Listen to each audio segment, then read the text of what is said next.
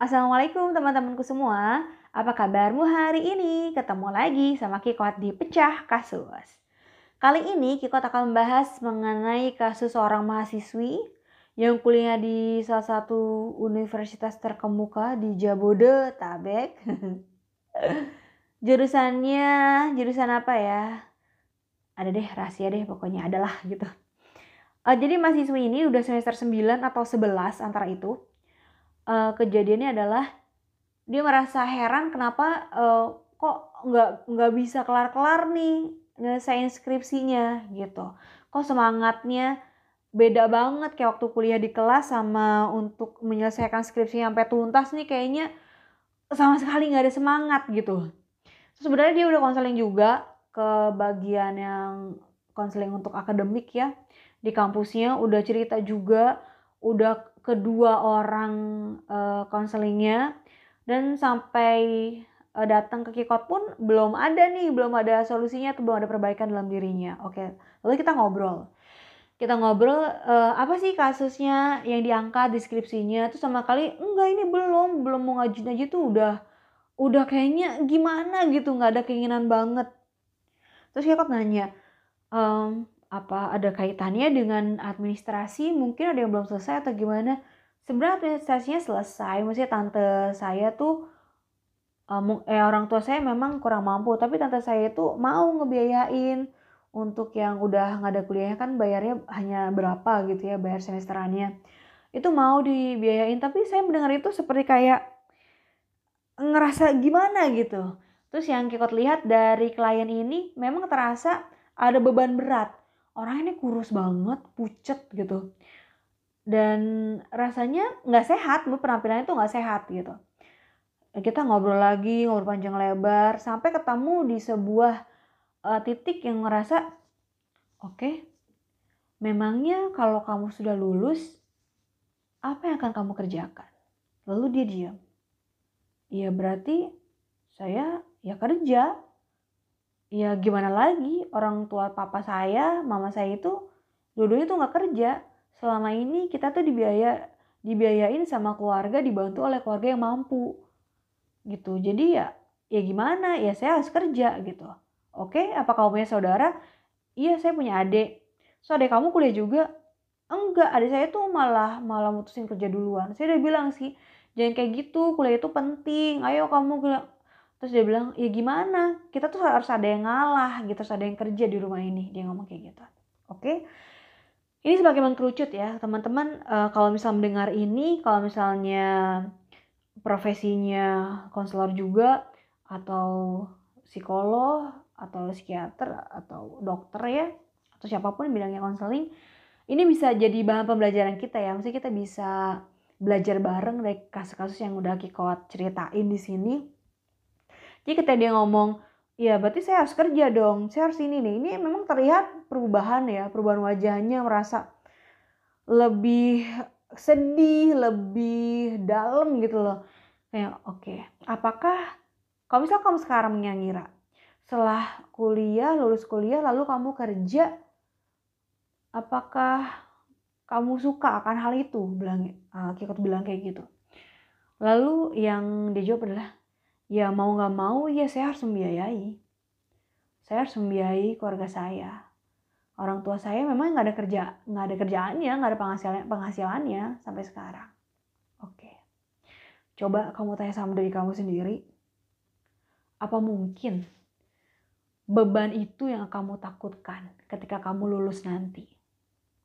Lalu dia berpikir sejenak. Hmm iya mbak kayaknya ini yang aku rasain. Ini nggak langsung langsung brek dia mikir gitu, enggak. Jadi memang ada stimulus-stimulus dari kita nih konselor nanya lagi gini, menggali lagi dari sisi ini, sisi itu, dulu SMA-nya di mana, bagaimana segala macam. Ini banyak gitu obrolan ini banyak. Jadi dari dari sisi mana pada akhirnya mengkerucut ke sisi itu. Jadi klien ini merasa ini kesimpulannya aja ke, uh, klien ini merasa bahwa ketika dia lulus berarti dia ada tanggung jawab. Dia lulus berarti otomatis tanggung jawab mencari nafkah membiayai itu otomatis ke dirinya. Otomatis si kliennya jadi tulang punggung keluarga gitu loh. Dan dia merasa belum siap akan hal itu. Karena dia memiliki aktivitas lainnya yang menurut dia kalau dia kerja full time ya kalau dengan sebagai tulang punggung ya harus ada kerja yang tetap dong ya. Berarti ya kalau dia kerja full time berarti dia nggak bisa melakukan hobinya yang lainnya gitu. Dia merasa hal seperti itu. Jadi dia merasa uh, terbebani akan hal itu. Jadi uh, yang jadi solusinya saat itu. Ini ada sesi berikutnya ya. Jadi solusi waktu di sesi itu adalah uh, dia menerima dulu takdirnya memang seperti itu yang dia jalani saat ini. Dan uh, Kikot meminta saat itu kan dia terasa stuck banget nggak bisa mikir di jernih ya. Saat dia stuck Kikot minta dia untuk saat di rumah dia menulis hal apa saja yang menjadi bebannya saat ini dia tulis. Jadi bikin kerangka berpikir gitu ya aduh dikasih kuliah lagi anak orang uh, poin satu misalnya masalah satu apa lalu bisa dibuat tabel atau seperti kerangka gitu ya. Uh, masalah satu solusinya apa aja? Pilihan solusinya. Lalu masalah dua pilihan solusinya apa aja? Masalah tiga pilihan solusinya apa aja? Lalu dari pilihan solusi itu mana yang membawa maslahat gitu loh maslahat buat dirinya sendiri maupun orang sekitarnya. Gitu ya. Terus kalau misalnya tentang skripsi berarti kalau tidak mau di DO ya harus diselesaikan gitu. Nah, mengenai skripsi berarti solusinya adalah solusi menyelesaikan skripsi bagaimana.